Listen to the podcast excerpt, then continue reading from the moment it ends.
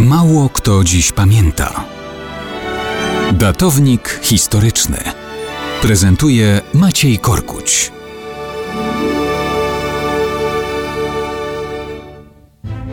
Mało kto dziś pamięta, że na początku stycznia 1744 roku do Zofii Anhalt-Zerbst i jej matki przyszedł list z zaproszeniem do Rosji.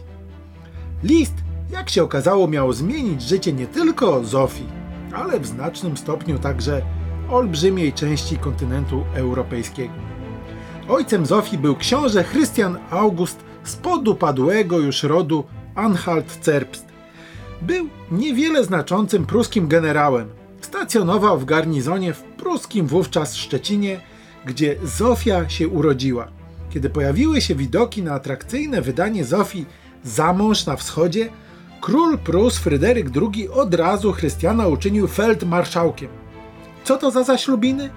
Otóż niemiecka księżniczka Zofia miałaby wyjść za mąż za również niemieckiego księcia Karla Petera Urlicha von Holstein-Gottorp.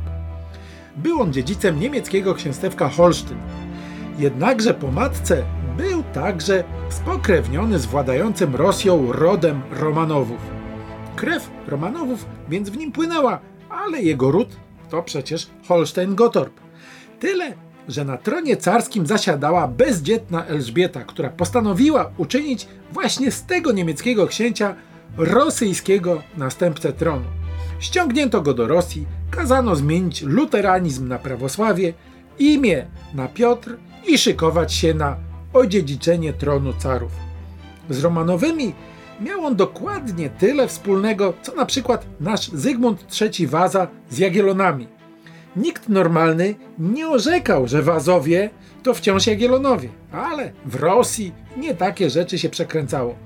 Ogłoszono, że dalej jest to rosyjska dynastia Romanowów, a nie niemiecka Holstein-Gottorp. A Zofia Anhalt-Zerbst dojechała do Rosji. Ona też przeszła na prawosławie, także zmieniła imię i po odsunięciu swojego męża od tronu stała się potem carycą Katarzyną II.